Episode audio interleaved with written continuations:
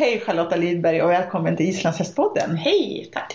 Du, vi är ju här för att uh, prata med dig. Uh, du har läst en master på SLU i Uppsala. Precis. Och så har du gjort ett examen, examensarbete om hull och prestation på islandshäst. Ja, precis. Och det här vill vi ju veta mer om. Men först tänkte jag, kan inte du berätta, vem är Charlotta? För den som inte känner dig. Ja, eh, jag är 28 år Eh, och är uppvuxen i Lindome då, två mil söder om Göteborg.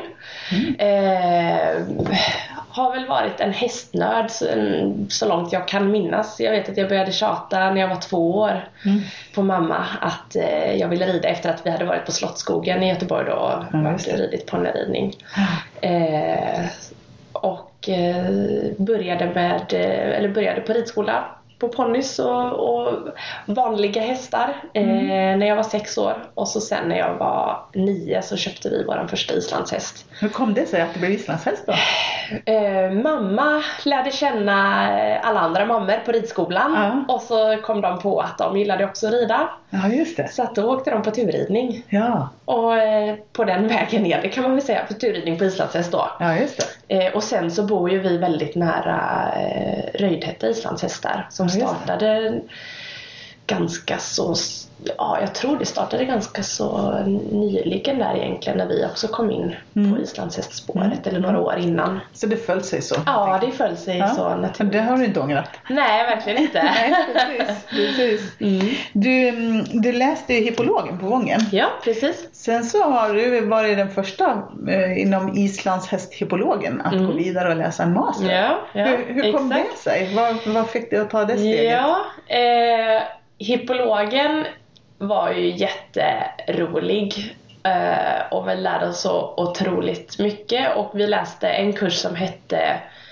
eh, ja, vad hette den? Hästens biologi och handhavande tror jag. Mm. Eh, och då kom vi ju in på allt kring häst egentligen. Det mm. var eh, foder, anatomi, sjukdomar, mm. genetik och allt sånt där. Och det tyckte jag bara var så himla intressant. Eh, och när utbildningen var klar så kände jag gud det finns så himla mycket mer att lära sig. Mm. Och jag tyckte just utfodringsbiten och även träningsfysiologi då för mitt eh, kandidatarbete handlade lite om eh, träningsfysiologi också. Då. Okay. Mm. Eh, det var några områden som verkligen intresserade mig och så fick jag veta då att möjligheten att läsa en master hade kommit och i och med att hippologprogrammet blev treårigt. Mm. Eh, så var jag lite osäker till en början. Eh, man var lite trött efter att ha pluggat tre år och nu vill jag ut och vara hippolog. Så jag jobbade ett år eh, på Stenholmen då innan mastern. Men så kände jag ändå att nej, fasen jag ska, jag ska köra på mastern också. Ja, ja. Jag gillar att lära mig saker. Hade man tjänat pengar på att plugga hade jag nog gjort ja, hela livet. Ja, ja. precis. Eh, så, eh, ja, så jag körde på mastern helt enkelt. Och, eh, och då har du gått ihop med de andra som läser master? Det är inte Islands Nej, specifikt. precis. Det här var ju något helt nytt. Så eh, då läser man tillsammans med de som läser till husdjursagronom. Ja, just det. Så, så det, är inte bara häst heller? Nej, inte nej. bara häst. Det var kor och grisar och får och allt sånt. Så det var ju en helt ny värld för mig också som var väldigt spännande och intressant och utmanande. Ja. Eh, och sen så försökte jag att eh, nischa mig så mycket som det gick eh, på häst. När vi hade egna eh, uppgifter och sådär Så, att, eh, så jag kunde ändå välja väldigt mycket häst i, i utbildningen så det var, ja, det. var roligt. Mm. Mm. Mm. Vad kul. Mm. Och sen så, hur, hur lång var den utbildningen då? Den var två år. Två år ja. ja mm. precis. Och då skulle du göra ett eh, mastersarbete? Ja, exakt. Och hull och prestation. Ja, precis. Berätta, varför var det Ja, varför blev det det? Ja. Eh, jag kontaktade Anna Jansson som är eh, forskare och, och, lärare på SLU på mm. häst då. Mm.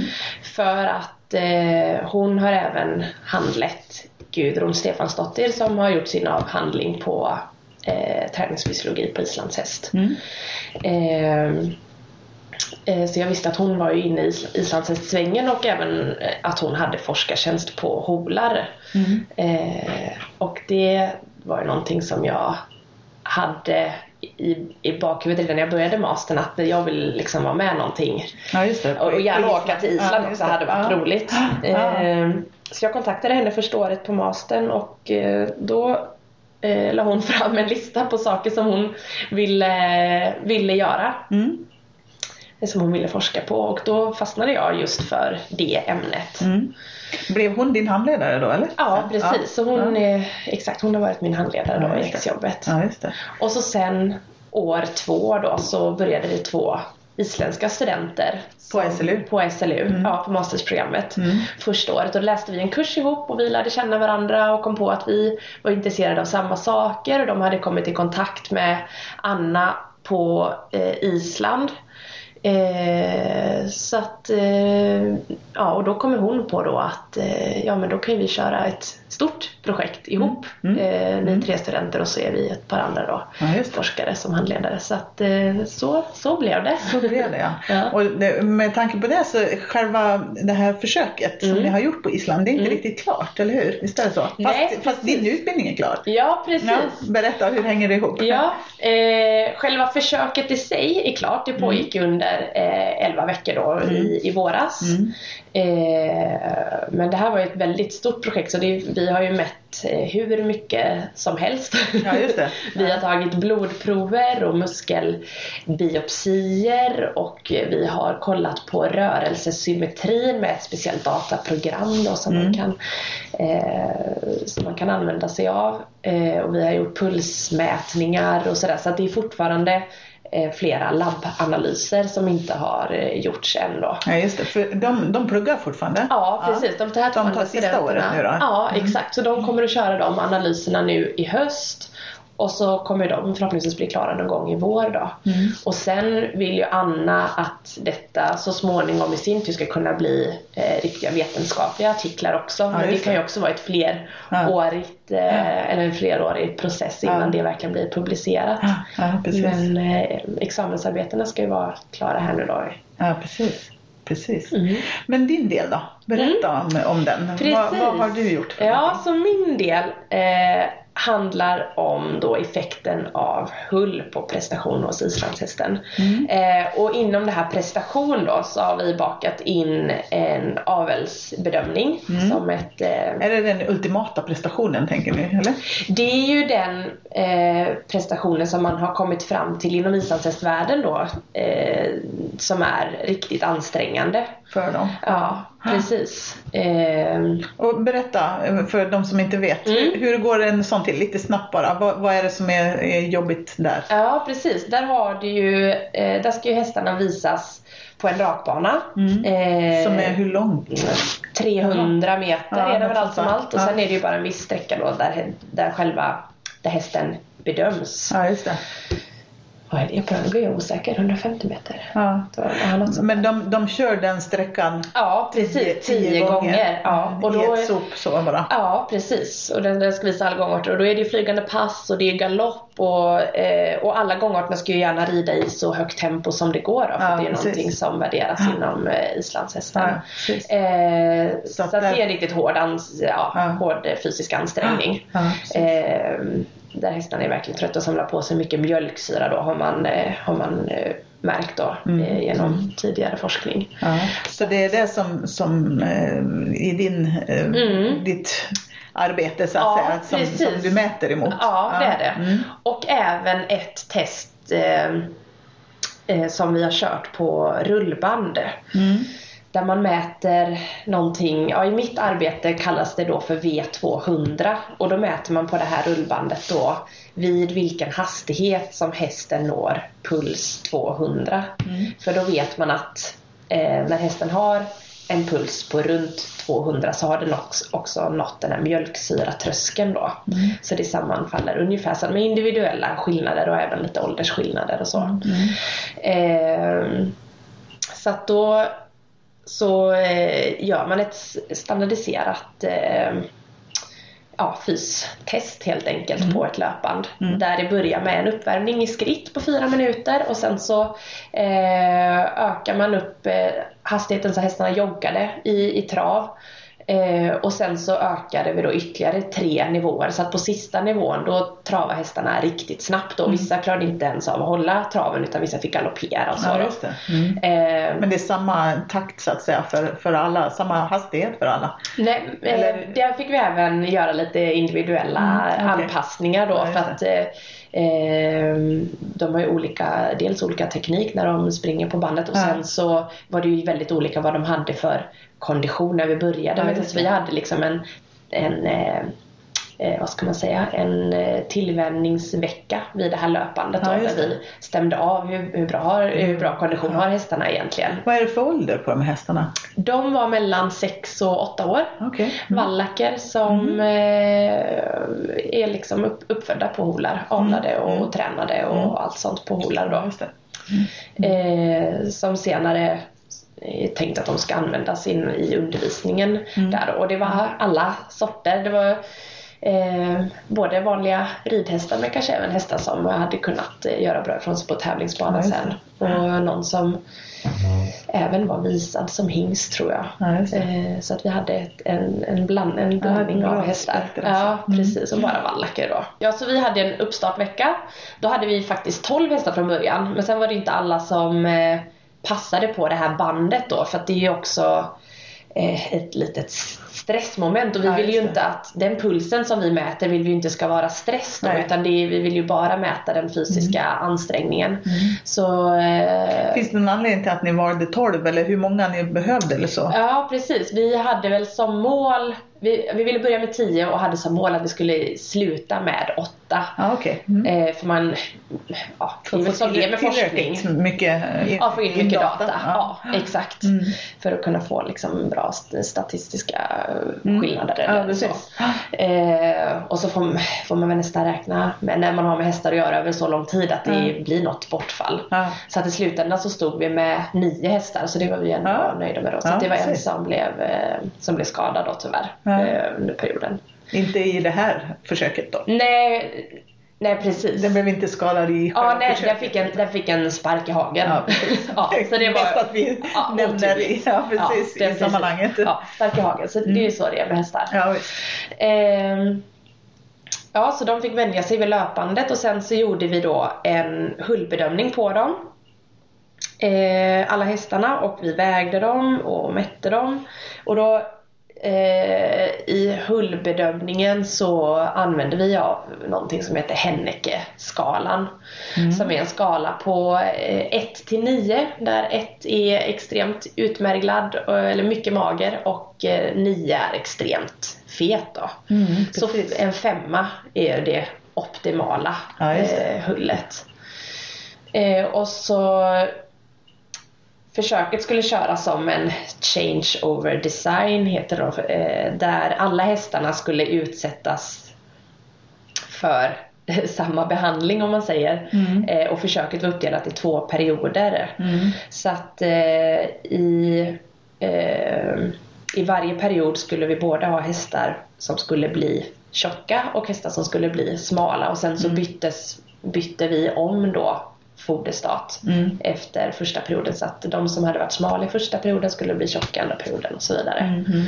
Eh, s- och när vi började så ville vi ha så, två grupper som var så lika som möjligt. Mm. I hull så att säga. I hull ja, och i, precis i hull. Var det väldigt stor skillnad på hur mycket man behövde banta dem eller mata upp dem för, för, att, för Mm. att det skulle svara? Förstår jag vad jag menar? Mm. Eh, Eh, eller ja. är de, var de lika Mm. svårgödda eller lättfödda? Nej, de svarar ganska olika. Ja. Eh, men sen så har vi också fått behandla hästarna som en grupp. Eh, så att de utfodrades, de hästarna som eh, skulle bli smala då om man säger.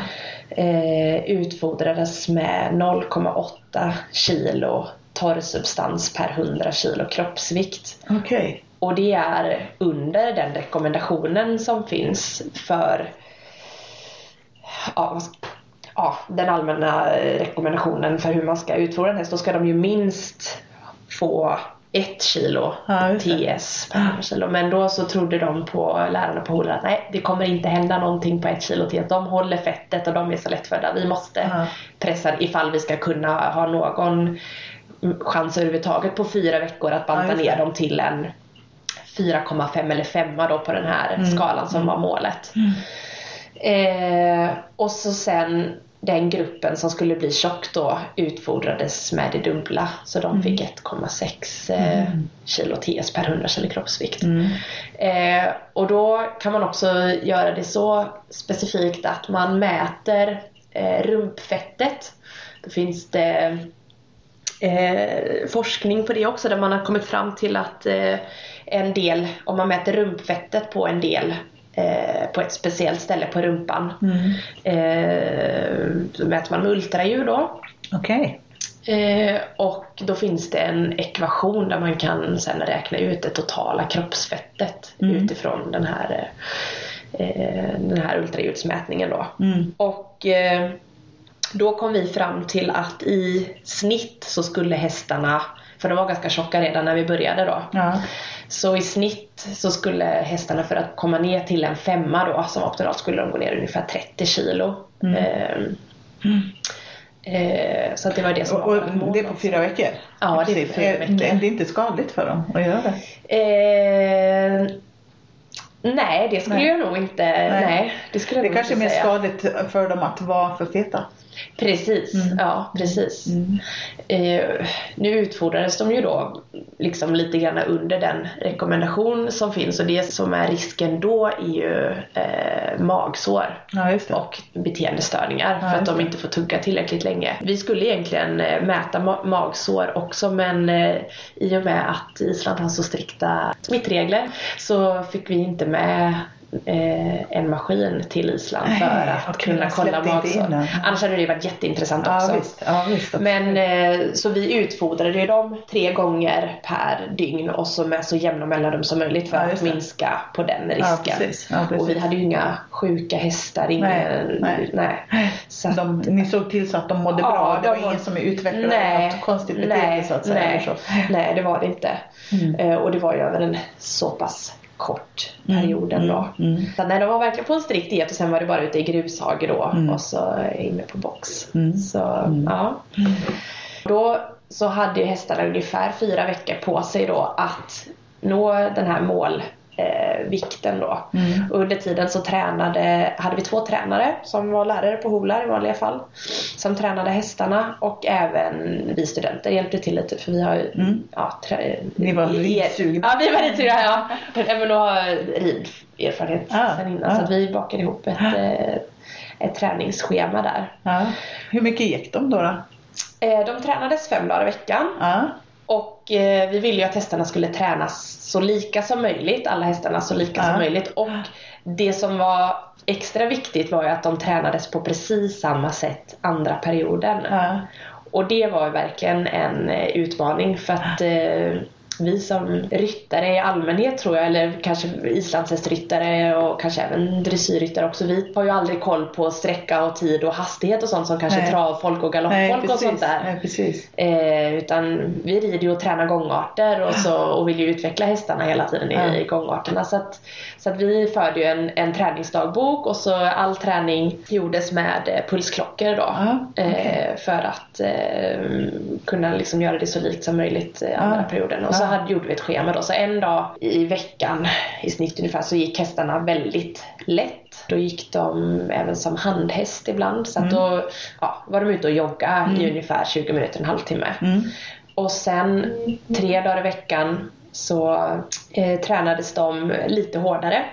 Eh, då ville vi att de skulle komma lite över puls 180. Då, Ja, då börjar man att närma sig det här anaeroba. Ja. arbetet. Där hästarna kanske börjar jobba med lite grann mjölksyra. Och så då handlar det om att rida lite högre hastigheter Mm, mm. och sådär då. Mm. Och de eh, reds lite längre för vi ville ju också att de skulle gå ner i vikt. Så Ja, det, precis. ja. Hur länge höll ni på då? då liksom? Hur långt var de passen? Eh, de var mellan 30 och 45 minuter Okej. skulle Mm. jag säga. Mm. Eh, Det är rätt hög tempo då. Ja, ja, men precis. Man rider på som man gör när man rider ut egentligen. Ja, det ja, växlar precis. mellan gångarterna och Ja. rider lite snabbt ibland och pausar ibland och sådär. Mm. Och sen en dag i veckan så sa vi att de skulle liksom verkligen ta ut sig. Mm. Eh, Så vi, vi sa att det kallades för, ja det var ju på isländska då, reid 1, reid 2 och reid eh, 3. Eller Ja. sådär. Så det var liksom steg 1, steg 2, Ja. steg 3. Ja. Så steg eh, tre, eh, då valde eh, de att göra det som, eh, eller tränade att göra det som galoppintervaller. Okej. Mm. Eh, för att kunna göra det så likt som möjligt för alla de andra Ja, ja. hästarna då. Så då red eh, de tre eh, galopp, eller red vi tre galoppintervaller. Ja. Eh, så hästarna blev riktigt trötta då. Så då var de ju en bit över 200, nästan alla hästarna i Ja, de här det. galoppintervallerna då. Eh, så så såg de här fyra veckorna ut då. Och sen i slutet på perioden så väntade då den här testveckan. Och då körde vi dels ett eh, test på löpband, det här V200 eller V LA4 som det heter också, eh, hastigheten där hästen når eh, mjölksyratröskeln. Mm. Eh, med eh, pulsklockor och hela den biten. Mm. Eh, och så sen däremellan så har de även eh, tagit muskelbiopsier och eh, blodprover då för insulin och glukos. Men det är ju i de andra studentarbetena så det är ingenting som jag har med i mitt det. arbete. Då. Ja, just det. Det håller de på med fortfarande så att säga. Ja, precis, det är analysera. de analyserna som ska köras i höst. Ja. Mm. Eh, och så sen i slutet av den här testveckan då så körde vi även en, eh, en simulerad avelsbedömning. Så vi, Ja, fick, så vi fick dit eh, två stycken eh, ja, riktiga avelsdomare Mm. som inte har sett hästarna tidigare på något vis. Mm. Och som bedömde hästarna precis som på en avelsbedömning. Och så var det en av våra tränare då som visade alla hästarna på de, den här avelsbedömningen. Mm. Och sen så i mitt arbete så utformade jag även ett, ett eh, protokoll eh, som kallas för ett VAS-protokoll eh, som är, eh, ja nu ska vi se? Visuell analogisk skala. Mm. Visual analog scale, ja. Eh, där eh, tränarna fick beskriva eh, ridbarheten hos hästarna. Mm. Vilket vi också tyckte då skulle vara intressant. Så då hade jag med sju olika punkter. Eh, där man sätter en, eh, en punkt på ett streck Ja, på ett papper. Ja. Och så i ena änden så står det till exempel, eh, jag hade- en punkt som hette lösgjordhet och då Mm. stod det i ena änden väldigt stel Mm. eh, till exempel. Och i andra änden så stod det väldigt lösgjord och mjuk och fin och Ja, sådär. precis. Och så fick de Skala. Ja, så då hade jag med eh, lösgjordhet, vilja, gångarter, hastighet, självbärighet. Och då fick eh, tränarna dels fylla i det här protokollet eh, när träningsperioden var slut och sen så fyllde han i protokollet efter avelsbedömningen också då. Ja, just det. och så sen efter första perioden då körde vi bara på som vidare och bytte om foderstater så de hästarna som har varit på, eh, på hö högdieten fick liksom ändra om då till eh, smaldieten. Ja. Eh, och så var det bara samma, samma visa igen då. ja. Men vad blev det för resultat då? Ja, vad blev det för resultat? Eh, det började då med det här V200-testet då på, på löpbandet Mm. som blev liksom de första resultaten som vi fick. Mm. Och där tyvärr så hade hästarna förbättrat sig för mycket i kondition från första perioden till andra perioden. Okej. Så där kunde vi inte se att när hästarna var eh, tjocka då bara på mer vikt Ja. så kunde vi inte se att det var någon skillnad i eh, när, vid vilken hastighet de nådde puls 200. Nej. Däremot så kunde vi se att när de var tjocka så började de på en högre puls när vi började Ja, på joggtempot. Mm. Men, eh, men tyvärr så var hästarna, eller så hade de förbättrat sig så pass mycket i kondition till andra perioden så att det gick liksom inte att, även fast hästarna var tjocka andra perioden eh, och de hade varit smala i första så hade de ändå bättre kondition. Mm. I, eh, Mm. Så det är ju, eh, och det var någonting som vi visste att det fann, att det var en risk. Mm. Mm. Eh, för hästarna var inte i jättebra kondition när vi började redan från början och vi Nej, var ju tvungna att rida på för att Ja, de skulle gå precis. ner i vikt. Ja. Eh, och så sen så precis som vi pratade om innan där att man tränar hästarna för att gångarterna ska bli bättre så då är det kanske svårt, även om vi hade det här schemat och du har ridit det här tempot och den här sträckan och de här gångarterna så kanske man ändå rider, ja men nu är den lite bättre i traven så då rider jag lite snabbare. Eller Ja, nu rider det. jag, ja. Ja, just.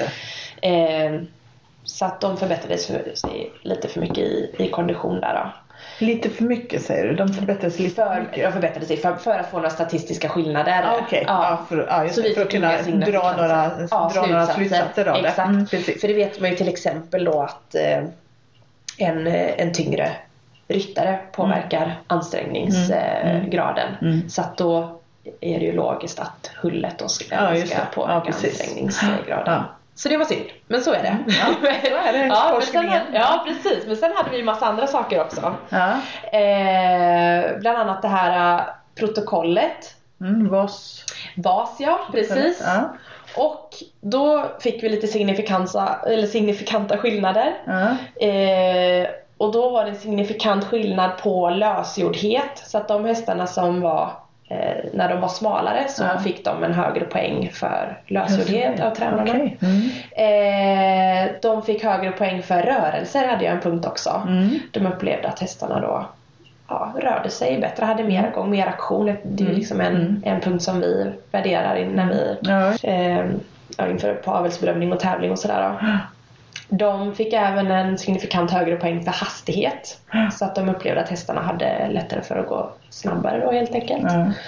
Eh, och även en signifikant högre poäng för självbärighet. Ja, just vilket också verkar logiskt då ja, egentligen. precis. Att Ja, hästarna precis. upplevs som lättare att eh, rida. Mm.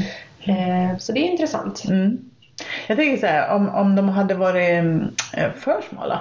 Alltså jag Ja. tänker det måste ju finnas en nedre gräns Ja, också. För, precis. för var, var går den någonstans Ja. liksom? Eh, Det är klart att blir de för tjocka så påverkar Mm, det. Men mm. det borde också påverka om de blir för smala. Mm, mm, Eller? exakt. Har, har, har, har ni någon Ja, tanke runt det? Ja, eh, nu var ju de här hästarna aldrig i den riskzonen. Nej, för de nej precis. tror det är sällan ingen- islandshästar kanske är det. Nej, men däremot så finns det forskning då på andra raser, till exempel distanshästar då, Mm, mm. där det är mer relevant, där de rider 10 mil. Mm. Så att då har man sett, ska vi se om jag minns rätt här, men att om de har en hullpoäng under jag tror det var 3,5 eller 4 så att det är ju Det är lågt. lågt, ja, det är lågt. Men har de, Ja. så, så är eh, så är det inte, då går de inte i mål. Nej. Liksom. Nej. Då är det en lägre procent som går eh, i mål så att säga. Mm, mm. Så att, eh, så att, eh, För man kan ju tycka ibland när man tittar på tävlingshästar Mm, mm, eh, mm. som är topp liksom Mm, och, och mm, även kanske hästar som går till avelsbedömningar och sådär. mm, mm. Eh, gemene man som vanligtvis ser rätt så runda islandshästar kan ju titta på de här och tycka Mm. att oj vad smala de Ja, är. Stackars precis. hästar. Ja, liksom, sådär. Men, men eh, de, de, eh, vanligtvis så, så har vi dem för tjocka antar jag. Jag tror det. Vi, Mm. man, eh, vi är nog väldigt hemmablinda Ja. på våran ras. Ja. För det var lite kul för en utav eh, de här testveckorna då när Anna eh, och en till forskare eh, var uppe så gick vi igenom hela Holarstallet i princip där det står ja, typ 200 hästar eller vad det är. Mm. Eh, nu kollade vi inte på alla hästarna för det hann vi inte men vi kollade på hingstar och på tävlingshästar och vi satte ingen på fem. Alla var över. Det var så alltså? Ja. Nu ska man komma ihåg att de hästarna stod väldigt mycket inne på box. Ja. Eh, och när var det? Men det var ändå under våren Ja, alltså. det, när, och de bör vara i tränades- rätt bra träning Ja, de, trä, ja, de tränades i alla fall. Mm. Men det var ingen som vi satte under fem. Nej just det. Så det var ju intressant. Sen finns det säkert såklart. Ja, ja, Men just det där på he ja, hela det stallet. Ja, så jag tror att vi ofta är väldigt eh, Vi har lite för tjocka hästar. För, Ja, jag. precis. Man precis. tycker, man tycker lite synd om dem och ger dem lite Ja, extra. lite extra ja. Ja, lite visst. så. visst. Mm. Mm. Har, har ni fått några flera resultat då utifrån den här studien som ni håller på Ja, med? precis. Om vi går tillbaks till det här då V200-testet som gjordes På på löpbandet. löpbandet, Mm. med stegvis ökning av hastigheten. Mm. Eh, så mätte vi även andra saker förutom puls då. Mm. Eh, då mäter man, eh, mätte vi även andningsfrekvensen både innan de gör testet då för att se så att de har en normal eh, andningsfrekvens. Mm. Eh, och sen precis efter att de har gått av löpbandet då. Mm. Då har de skrittats av under två minuter efter det sista snabbaste steget. Ja, skrittat av två minuter Mm. på, Mm. eh, på löpbandet. Sen så tog vi av dem därifrån och då mätte vi även eh, rektal temperatur eh, och andningsfrekvens. Mm. Och vi har även mätt eh, någonting som heter hematokritvärdet och det är andelen röda blodkroppar Okej. i blodet. Mm. Och det är ju det som är relevant eh, för eh, det är den delen av blodet som bär syret Ja, okej. Mm. eh, Mm. som musklerna behöver Mm, vid arbete. Ja, precis. Mm. Och då så kunde vi se då att hästarna på den eh, när hästarna var tjocka då så hade de en signifikant högre andningsfrekvens efter, eh, Ja, det. efter det här testet. De var då. mer flåsiga helt enkelt. Ja, de var mer flåsiga. Och eh, eh, andningen fungerar ju inte bara som eh, eh, som ett sätt att syresätta musklerna utan det fungerar ju även som hjälpmedel för att få ur värme Ja, ur, ur ja, kroppen. Ja. Ehm, så att, ja, det kan ju såklart tyda på att de kanske var lite mer ansträngda trots allt efter Ja. när de var tjocka. Men att de även kanske också blev varmare då. Eh, när de hade ett högre hull. Så att då behövde de liksom ventilera ännu mer för att kunna göra av med, med värme då för att kroppen ska kunna återhämta sig och gå tillbaks till normalläge. Mm. Men ni mätte tempen på dem också? Så Ja. Men det var, inte, det var inte så att ni såg där skillnad? på... Nej, där såg vi inga, inga skillnader. Nej, just det. Nej. Och sen en sak som är intressant med det här testet då som man har använt sig eh, som man använder sig av inom travvärlden och galoppvärlden. Då vet man att har hästen ett, ett eh, högt eh, ja, V200 eller VLA4 värde då vid hastigheten som den når mjölksyretröskeln tröskeln, Mm. så presterar den också bra på tävlingsbanan sen. Så det här är ju som ett slags konditionstest. Ja. Och då kunde vi se att de hästarna som hade eh, bäst V200 då var det i mitt arbete Mm. vid hastigheten där de når puls 100. De hade också bäst poäng på avelsbedömningen. Okej. Ja. Eh, så det var ju väldigt intressant att se då. Så, att, eh, så liksom kort enkelt sagt så de hästarna som hade bra kondition ja, fick bra poäng Ja. på avelsbedömningen. Ja. Eh, så att eh, det är ju väldigt intressant vilket gör att man kanske blir väldigt angelägen om att ha hästarna i bra Ja, eller man, Ja, ja, så att man är Man kan inte bara köra på, på Nej. talang så Nej, att säga. man kan med bra inte det. Till viss del. Ja, naturligtvis behöver man göra det men så också. Ja, Men konditionen är, Är naturligtvis viktig. väldigt viktig. ja precis. Och sen eh, så fick de ju poäng också hästarna. Mm. Det var ju precis som en vanlig, eller två vanliga avelsbedömningar då efter de här två perioderna. Mm. Och eh, då kunde vi även se att hästarna fick, när de var smala då, eller smalare, Mm. eh, fick en högre poäng för eh, galopp, signifikant högre poäng för galopp. Mm. Eh, och form under ryttare. Mm. Och även för eh, totalpoängen då Mm. så fick de en högre poäng. Vilket också känns logiskt för i galoppen så ska de ju verkligen öka på. Ja, Man vill visst. se att hästen skjuter iväg i, Ja. i uppförsbacke och bär den då på mera vikt så är det klart att det blir jobbigare. tyngre att skjuta ifrån. Eh, och form under ryttare, där spelar ju saker in då som hästens aktion och, och formen och om det ser lätt ut för Och det hästen gör det förstås enklare om, om de inte bär på en Ja, vikt. precis. Att då, eh, så gav vi hästarna förmodligen kanske ett, ett eh, tyngre eh, intryck. Intryck, ja precis. Ja. Så, att, eh, så det var väldigt intressant. Mm. Mhm. Kul. Ja, så det är det vi har fått fram Mm. hittills. Vad är det de eh, kommer med nu då som kompletterar det här eh, resultatet? Ja. Säga? Vad är det vi, vi kan vänta in mer av? Eh, då har vi eh, en del som handlar om eh, ämnesomsättningen Okej. hos hästarna, Mm. metabolismen. Eh, där i de här blodproverna då som har tagits, i- när de har kört det här löpbandstestet så har vi även tagit ett blodprov vid varje eh, vid varje hastighet. Så Mm. hästarna sprang med en kateter då i Mm. halsen och så Mm. hade vi en veterinär då som tog blodprov i, i slutet Mm. av varje hastighet. Mm. Eh, så det är mjölksyravärdena då, de har vi inte än då Nej, i varje, eh, varje steg. Ja. Och sen så har vi även glukos och insulin som, eh, som kommer att mätas i de här blodproverna. Och även, men sen mätte vi, tog vi även tre till blodprov under en och en halv timme efter eh, att löpbandstestet var klart. Mm, mm. Som, där man som sagt mäter då, eh, insulin och glukos och sen så har vi även ett blodprov där man kan mäta eh, enzymer som mäter muskelsönderfall. Mm. Ja, just det.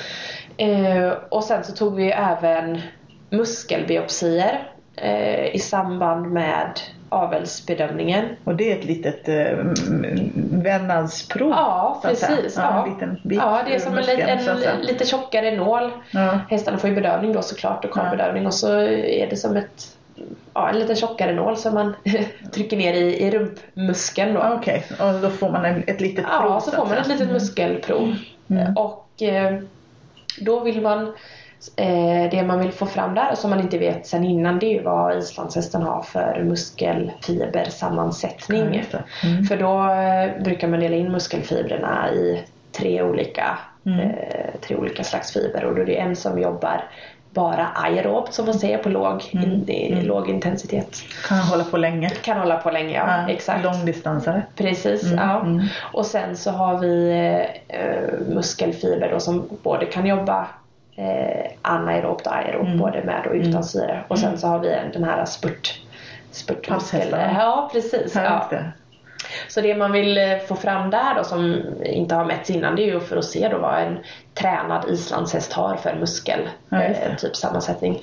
Ja. Och eh, det påverkas både utav träning men även genetiska skillnader då. Ja, just. Mm.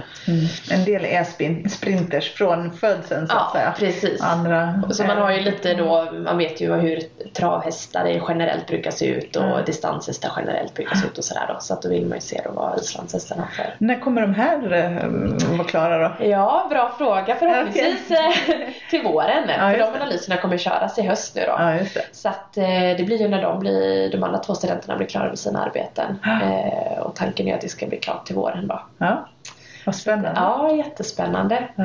Och en sak till som man har kört, eh, eller som kördes då också, det var att man mätte rörelsesymmetrin. Eh, det finns ju något som heter lameness locator. Okej. Där man sätter, det används eh, nu ganska så flitigt på Ultuna vid hältutredningar Mm. och sånt. Och då sätter man eh, en sensor uppe på eh, nacken bakom öronen och en sensor uppe vid korset och sen även en sensor nere runt eh, kotan. Eh, och så springer man eller travar med hästarna på ett rakt spår Mm. och sen så skickar då de här sensorerna signaler till en dator. Mm. Eh, och så kan den läsa av då då kan man se liksom hur hästen rör sig och om det är något ben som avviker åt något håll. Mm. Eh, så de testerna körde vi både innan avelsbedömningen och efter avelsbedömningen. För att eventuellt kunna se att tyngre hästar kanske tog ut sig mer och har fått eh, mer rörelse, asymmetri eller Ja, något. Ja. Ja, det. Men eh, det är sånt som Är, är det också med i den här eh, som, som de håller på med? Som ja, kommer, så kommer det komma Ja, i vår också då förhoppningsvis. Ja. Ja. Intressant. Ja, det är väldigt Mm. intressant. Ytterligare ett resultat som vi väntar på också då, det är att kunna se, i, och med att hästarna tränades med pulsklocka, eh, alla träningar, eh, så vill ju vi kunna se då hur mycket hästarna tränades och hur mycket som de faktiskt gick ner i vikt för att i framtiden kunna kanske baka ihop någon slags rekommendation då. Mm. För om hästarna tränar så här mycket så kommer de att tappa ungefär så här Ja, mycket Ja. i vikt då. Så, att, eh, så det är någonting som vi håller på fort, ja, Och väntar på det på fortfarande. Ja, precis. precis. Kul. Ja. Men du, ehm, tack så hemskt mycket för att vi fick komma och höra, höra din historia. Ja, tack Jättespännande. Själv. Ja, tack. Jätteroligt. Tack.